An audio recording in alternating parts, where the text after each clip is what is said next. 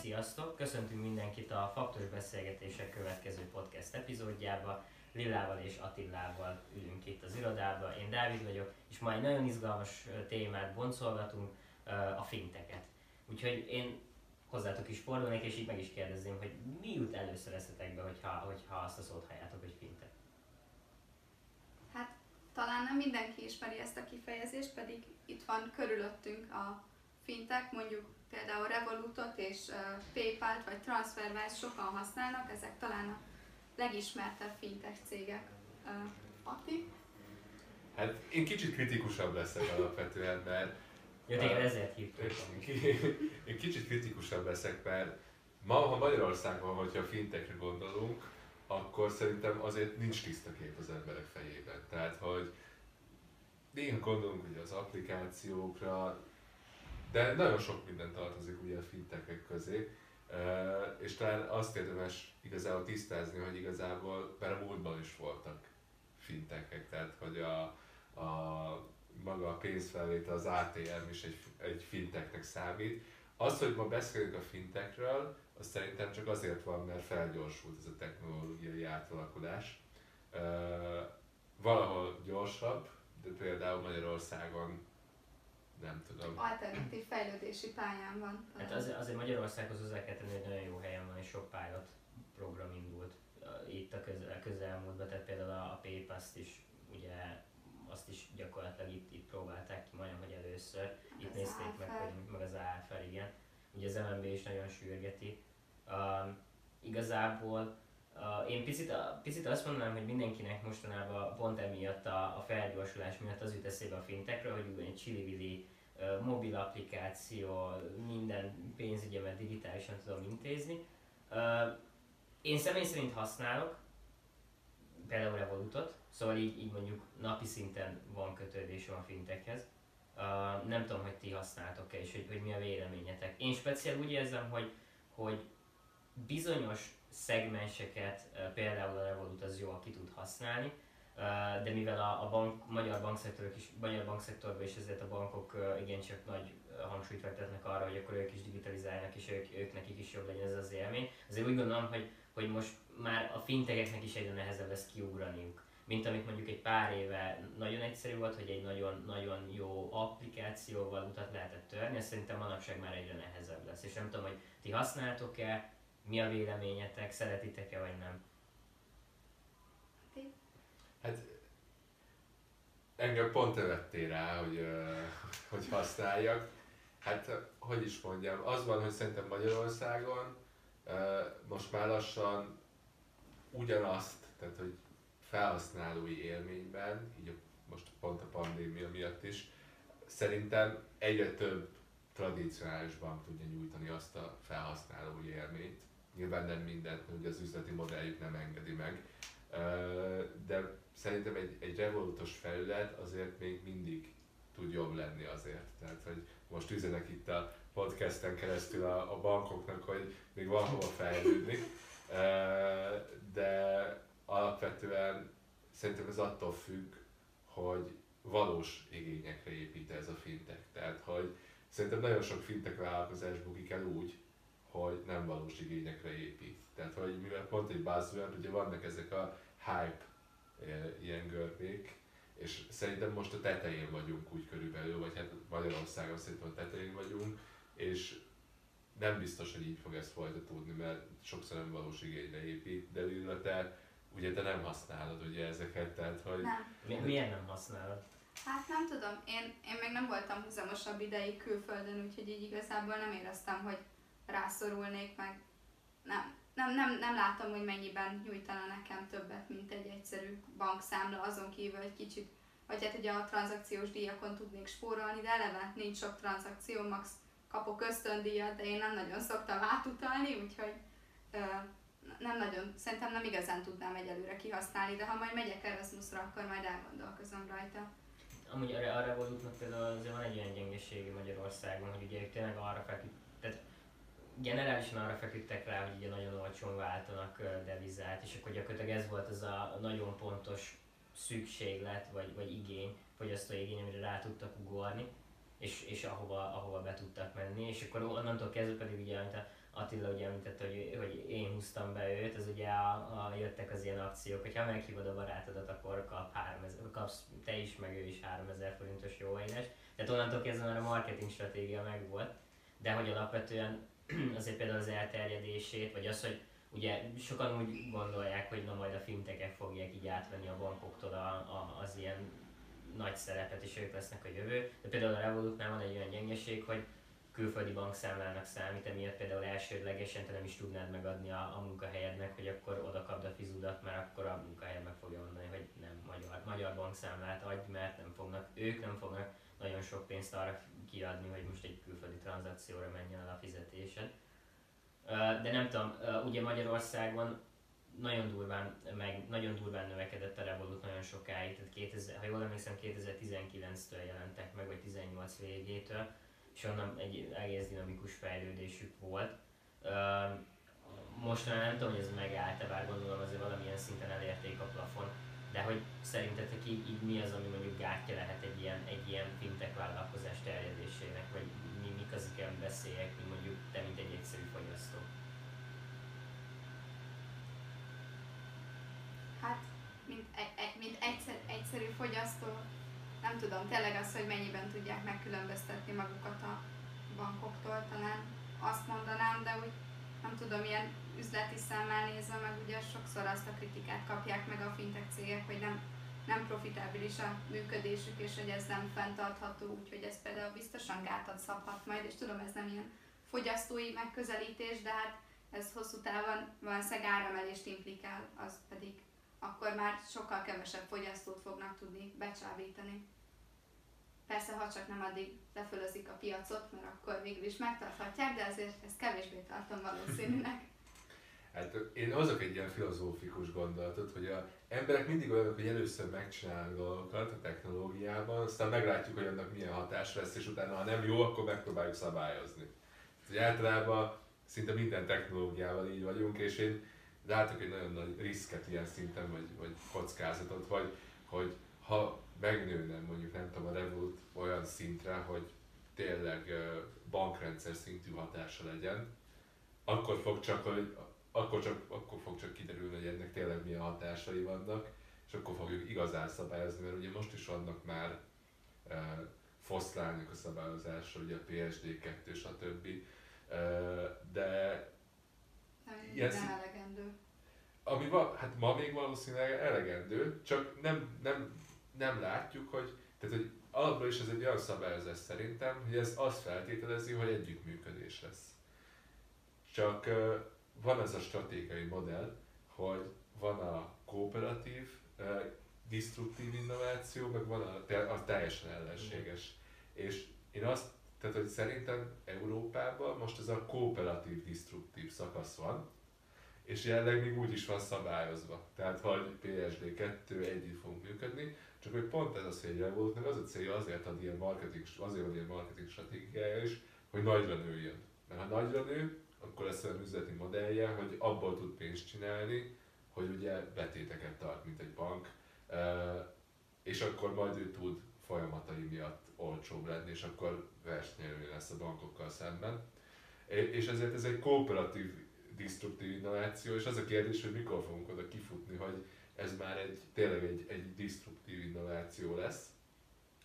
És akkor ott milyen szabályozások kellnek majd, mert láthattuk, hogy Magyarországon például ha már sharing economy volt korábban a témánk, uh, ugye, ugye az Uber mi volt? Eljutottad, hogy Magyarországon már releváns lenne, és be is tiltották. Most, hogyha a Revolut olyan szint, mert, mert elkezdte, tehát hogy tényleg a disruptív innováció eljött, tehát hogy a taxikat uh, tényleg piacra megzavarta. Na majd, hogyha az OTP-t meg ezeket fogja megzavarni, az a kérdés, hogy akkor láthatjuk, hogy egyébként egy tolvanással lehetne intézni, hogy a Revolut eh, ne tudjon itthon működni. És jelenleg szerintem alapból is Magyarországon abba az irányba tartunk, hogy a bank, tehát hogy itthonról nem fog valószínűleg egy Revolut kinőni, mert a bankok nagyon centralizálják ezt az innovációt, tehát hogy nagyon a bankszektorban indul ki, tehát hogyha egy ilyen revolúszerű innováció lesz, az külföldről fog jönni valószínűleg, mert az kell a a skála hozadék, tehát hogy sok ügyfe, ügyfel legyen. Tehát egy nagy kérdés, hogy ez jót tesz-e a magyar bankszektornak, hogy külföldről van egy ilyen nagy versenytársa. Uh, nyilvánvalóan tudna fejlődni a magyar bankszektor, mert, mert van, tehát ugye MNB-nek is van egy ilyen digitalizációs jelentése, Igen. ahol azért kimutatták, hogy a magyar bankszektor talán az egyik legdrágább. Tehát ugye szinte jól jönne egy, jól jönne egy külső versenytárs, csak Kínában azt láttuk, hogy amúgy átugrottak ugye egy fejlettségi szintet, és ott az volt a nyugvó pontja a piacnak, hogy van, van kettő ilyen volt, uh, talán az Alipay, Alipay meg a WeChat, ugye. Igen, meg a WeChat, és akkor ez a kettő dominálja a pénzügyi piacot, és akkor viszont a, a vállalatok kezébe kerül ugye a, nem tudom, az emberek pénzt. A lakossági megtakarítás. Igen. Ugye Magyar, Magyarországon, tehát, hogy én, tehát, hogy én azt vettem észre, meg körülbelül talán így, így, így be is álltak, főleg a, amiatt is, hogy ugye a bankok is rájöttek arra, hogy ezért így eléggé könnyen tudják ezt az egész iparágat, ezek a cégek azért uh, disztruptálni. És, és pont ezért nagyon sok banknál indultak el ugye ilyen belső gyakorlatilag inkubátor programok, és ugye sokan, sokan úgy gondolnak a fintekre, mint hogy oké, okay, akkor én odaadom a, a, pénzemet, én odaadom akkor a, a, a tranzakcióimat, stb. De ugye ezt is bele kell gondolni, hogy azért a, a bankszektornak a, a, a tényleg a, a, a back office része, tehát a, ugye a, a komplet működése, ugye azért ott is, ahhoz, hogy, ahhoz, hogy megfelelő digitális termékeket tudjon nyújtani egy bank, ahhoz ugye az kell, hogy fejlett legyen tényleg a, a működési szint, és azt is, azt is digitalizálni kell. Például Magyarországon szerintem elég érdekes az, hogy, hogy nagyon sok fintech cég uh, direkt azt célozna, hogy partnerség legyen bankokkal, és hogy akkor, akkor digitalizáljuk a, a magát a működést, és akkor tényleg egy-egyfajta ilyen, ilyen közös, közös iparági fejlesztésben vannak. És emiatt egy picit én úgy gondolom, hogy valójá, valóban bejöhet a Revolut Magyarországra, úgyhogy akkor ő, ő, ő, ő, itt van és mint egy bank fog működni, de én ezzel én szkeptikus vagyok, hogy akkor Magyarországon pont egy ilyen külföldi, külföldi há, magyar ö, leányvállalat hálózattal, vagy, vagy simán ö, ugye fiók hálózattal nem rendelkező cég, az, az itt akkor most így piacvezető lesz. Főleg úgy, hogy ezért, azért, kimutat, azért vannak arra kutatások, hogy még a fejlettebb országokban és Nyugat-Európában is az embereknek, mivel a pénzügyeikről van szó, azért kell a személyes kontakt. És azért Revolut azért az, hogy van egy blogja, és akkor oda te posztolgathatsz, hogy nem jött meg a pénz,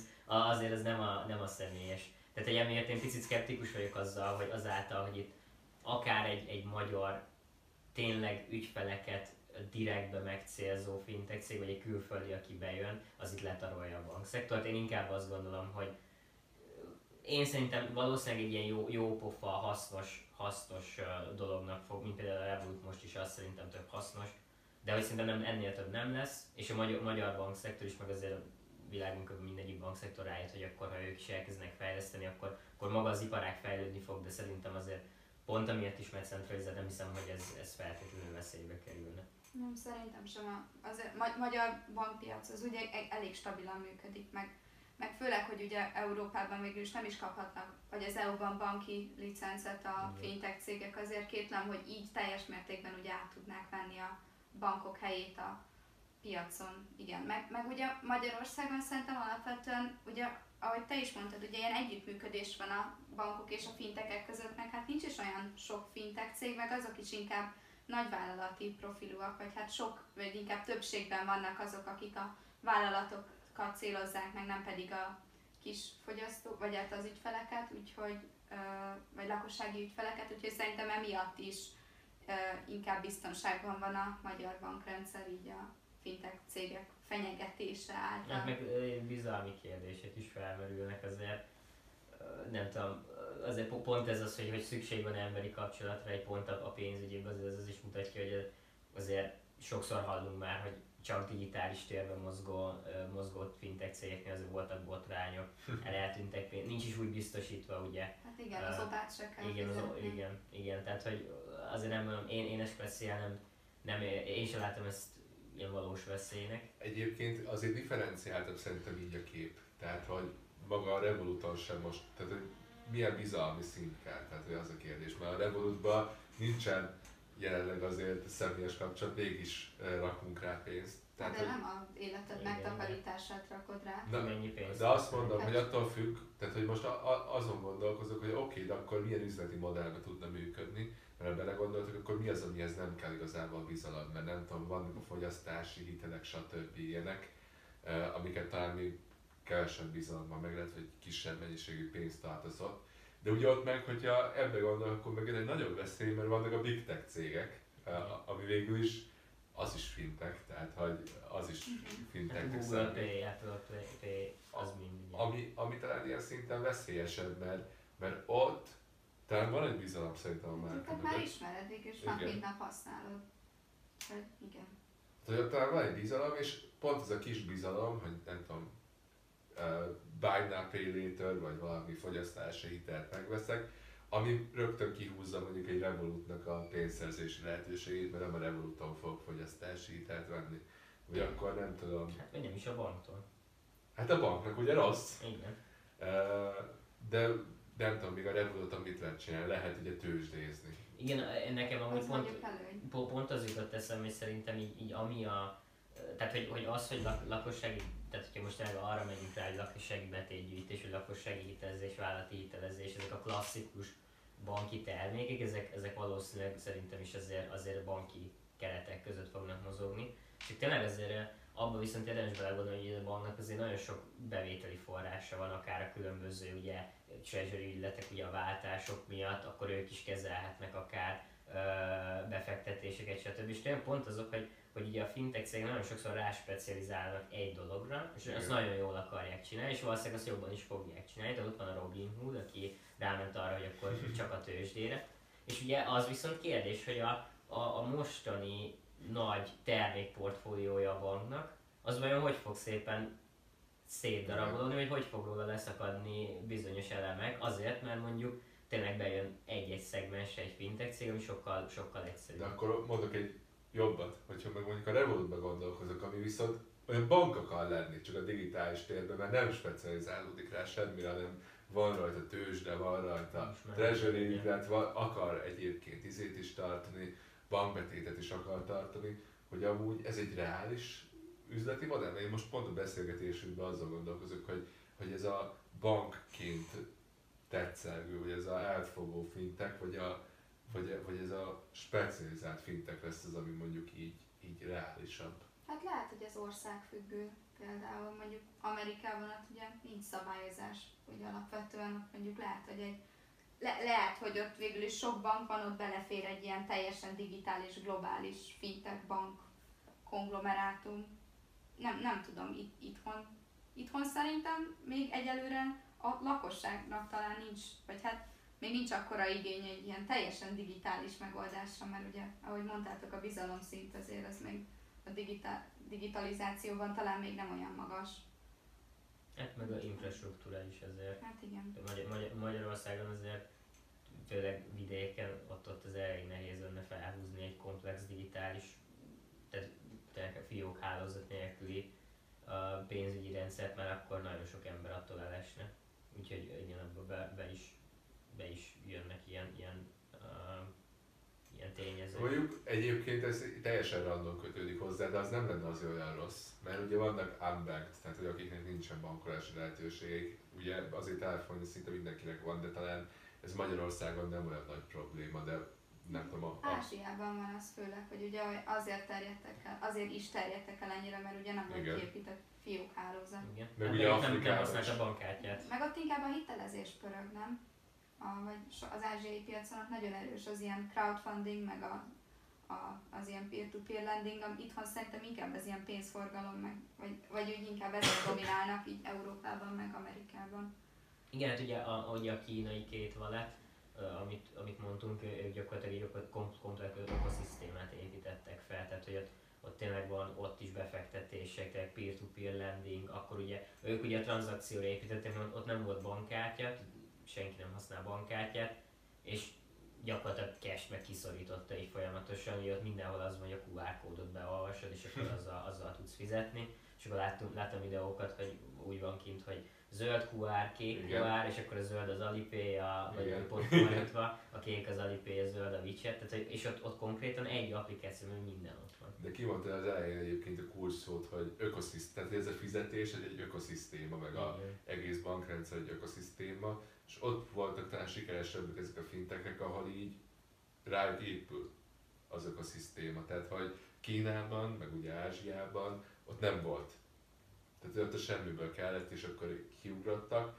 Európában ugye nagyon erősek a bankok, nagyon erős a szabályozás, meg nagyon erősek a központi bankok, és tényleg itt az a kérdés, tehát hogy Európában ezért egy fintech így tényleg egy ökoszisztéma szereplő lehet, és Magyarországon is ezért inkább ilyen kooperatív, meg azért itt beillesztő, mert, mert az ökoszisztéma az már létezik, és csak azt próbálják javítgatni ezekkel a fintech megoldásokkal. Meddig mehet el egy bank? Szerintetek így digitális? Tehát, hogy, hogy létezhet olyan szenárió, hogy nem lesznek bankfiókok, nem azért, mert a Revolut bejön, hanem mert az OTP azt mondja, hogy drága, nem kell ekkora, nem, egyre több a digitális, ugye most már megyünk abba, hogy, mert ugye most még nagyon sok, tehát a banki ügyfeleknek tényleg ugye a nagy rész az azért a középkor emberek ugye nem digitális benszülöttek, ergo ugye nekik azért, de már ők is kezdenek átállni, ugye, csak hogy alapvetően ők az, az offline ö, bankrendszerhez szoktak. De ugye most már, ahogy megyünk előre, egyre, egyre többen tényleg mennek át ebbe a, a, akár full digitális ö, ügyintézésbe. Ugye erre rásegített most tényleg a pandémia, de meddig mehet el egy bank? Szerintetek? Hát szerintem erre már más iparágokban egyébként van, van válasz, mert ott van az Amazon, aki full digitálisként kezdett. Tehát, hogy szerintem például az ilyen fintekeknek is ez lesz a sors, a bankoknak is valahol lesz egy ilyen, nem tudom, találkozás, hogy az Amazon is épített fizikális boltokat. Vagy nem tudom. Hát, a- és, és abba tett egy csavart, ugye, hogy a Igen. fizetésnél csak kisétálsz, és akkor... Hát, de, de ezek az a lényeg, hogy a full digitálisok is arra mennek, hogy legyen egy-két ilyen customer experience, mert ilyen touchpoint, meg ilyen boltikat építenek ki. Tehát, hogy én azt is el tudom képzelni, hogy a Revolut is el fog egyszer oda jutni, hogy lesz egy-egy ilyen hubba, egy-egy ilyen izé, fontosabb hubjába egy-egy branch, de nyilván a fiókhálózatok is csökkenni fognak ez miatt, hogyha egyre jobban. De most Magyarországból kiindulva azért még én sem vagyok olyan, még én sem vagyok annyira, nem tudom, még én sem vagyok annyira digitálisan benszülött, vagy én sem bízok annyira ezekben, hogy így telefonon keresztül intézzek mondjuk egy dolgot. Is most nyitottam értékpapírszámlát, de inkább, Azt nekem is kéne. inkább bementem valahogy, az olyan személyesebb volt még talán. Nem tudom. Igen, ugye, tehát ugye valahogy tényleg az van, mind, így, így szerintem mindenkinek a fejében az van, hogy tényleg sokkal egyszerűbb csak rákattintani a telefonon, de aztán így valahogy nem tudom, amikor oda jut az ember, akkor, akkor valahogy mindig elmegy. Akkor, például én, én, én, én digitál, digitalizáltam a bankkártyám, ugye, a, a, a banki, a banki uh, mm, applikációba, és azóta is mind, mindig kártyával fizetek. Tehát, hogy hiába, hiába le van digitalizálva, mindig előveszem a kártyát, és mindig azt intom az, és mindig így gondolkozok, hogy ah, most akkor most, most úgy fogok, de aztán mindig rájök, jó, egyszerűbb lesz, hogy kiveszem. Tehát, Mondjuk hogy én nagyon szeretek mobillal fizetni, akkor olyan nagyon modernnek érzem magam. Mondjuk ehhez ugye nem kell fintech cég, ezt már ugye a bankok ezt is, ja, igen. igen. Hát azért, azért szerintem pont amiatt is, mert hogy, hogy azért nagyon azért drága is a magyar bankszektor, meg, meg tényleg szerintem magának a bankoknak is nagyon nagy költsége megy el arra, hogy működjön. Pont amiatt már, hogy offline van minden, meg, meg ugye nagyon sokáig papír alapon működött így minden back office szinten is. Azért azért látszik, hogy azért tényleg a jegybankok is, főleg, hogyha az MNB-re gondolunk, akkor ők is az eléggé uh, tényleg szorgalmazzák azt a bankoknál is, hogy akkor, akkor itt menjünk el valami digitális tra- Van transformáció irányába. stratégia is, meg minden. Igen, van stratégia. Én mondok egy anekdótát. Én azt hallottam, hogy, Végre. hogy azt mondta, van van egyik legnagyobb magyar bank Magyarországon, Neveket is egy, tudsz egy, mondani? igen, és egyik legfejlettebb. És ott a 2000-es évek közepén, amikor már rég volt internet, a Gmail, stb., akkor még úgy írták egymásra az e-mailt, hogy papíron keresztül. Hát Tehát, hogy papírra átrakták, mert olyan, olyan hivatalos volt, mennyire megszokott volt, hogy szerintem azért a magyar bankrendszernek azért van egy ilyen, nem tudom, van egy ilyen, a, a fejlődését azért kicsit visszaveti azt, hogy nagyon hierarchikus, tradicionális. Szerintem a bankrendszer, én nem tudom, tehát én, én nem vagyok azért nagyon szakértő, hogy milyen bankok vannak Németországban, de hogy, hogy, hogy én így azt feltételezem, meg talán amivel itt találkoztam, hogy sehol se. Tehát, hogy, hogy nem az van, hogy a magyar bankszektor nagyon nem digitális, hanem valamiért maga az iparág, az mindig ú- így úgy alakult ki, hogy, hogy tehát, hogy sokkal inkább le vannak maradva a digitalizációban, mint, mint más iparágak. Szóval ami szerintem ez nem csak magyar sajátosság, de, de szerintem ez tényleg ez, ez így te iparági, globális szinten megfigyelhető, hogy valamilyen szinten így mindig nagyon papírheavy volt az egész működés, meg tényleg nagyon... Ugye, ugye én azt feltételezem, és szerintem sokáig az volt, pont a, amúgy pont a fintek, tehát hogy ugye, ugye már tényleg az is fintek, hogy bankkártya bejött.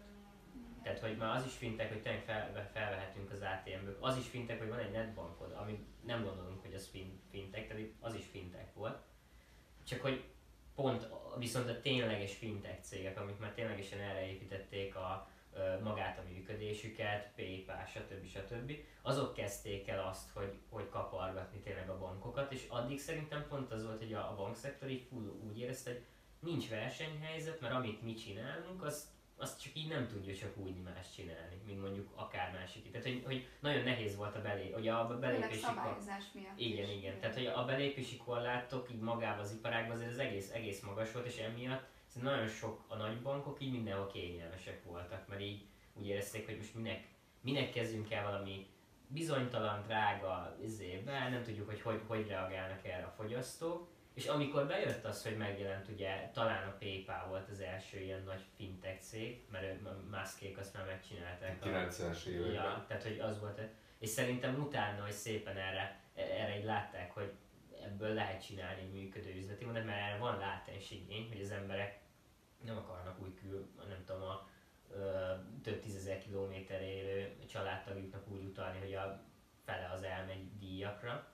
És, és akkor szerintem akkor ugye a pont emiatt a pici kialakuló versenyhelyzet miatt kezdtek el, és akkor utána meg ugye rájöttek már a tényleg ilyen jegybanki szinten, hogy, hogy nemzetgazdaságilag is is költséghatékonyabb az, hogyha mondjuk kevesebb, sok, tehát hogy Magyarországon nagyon sok a, a készpénz, nagyon sok a, a készpénzállomány úgy forgalomban van, és ezért az, az gyakorlatilag tényleg nemzetgazdasági szinten sem jó, tehát fekete gazdaságot ugye boostolja, hogyha megint visszacsatolunk egy múltkori témához, meg nagyon drága.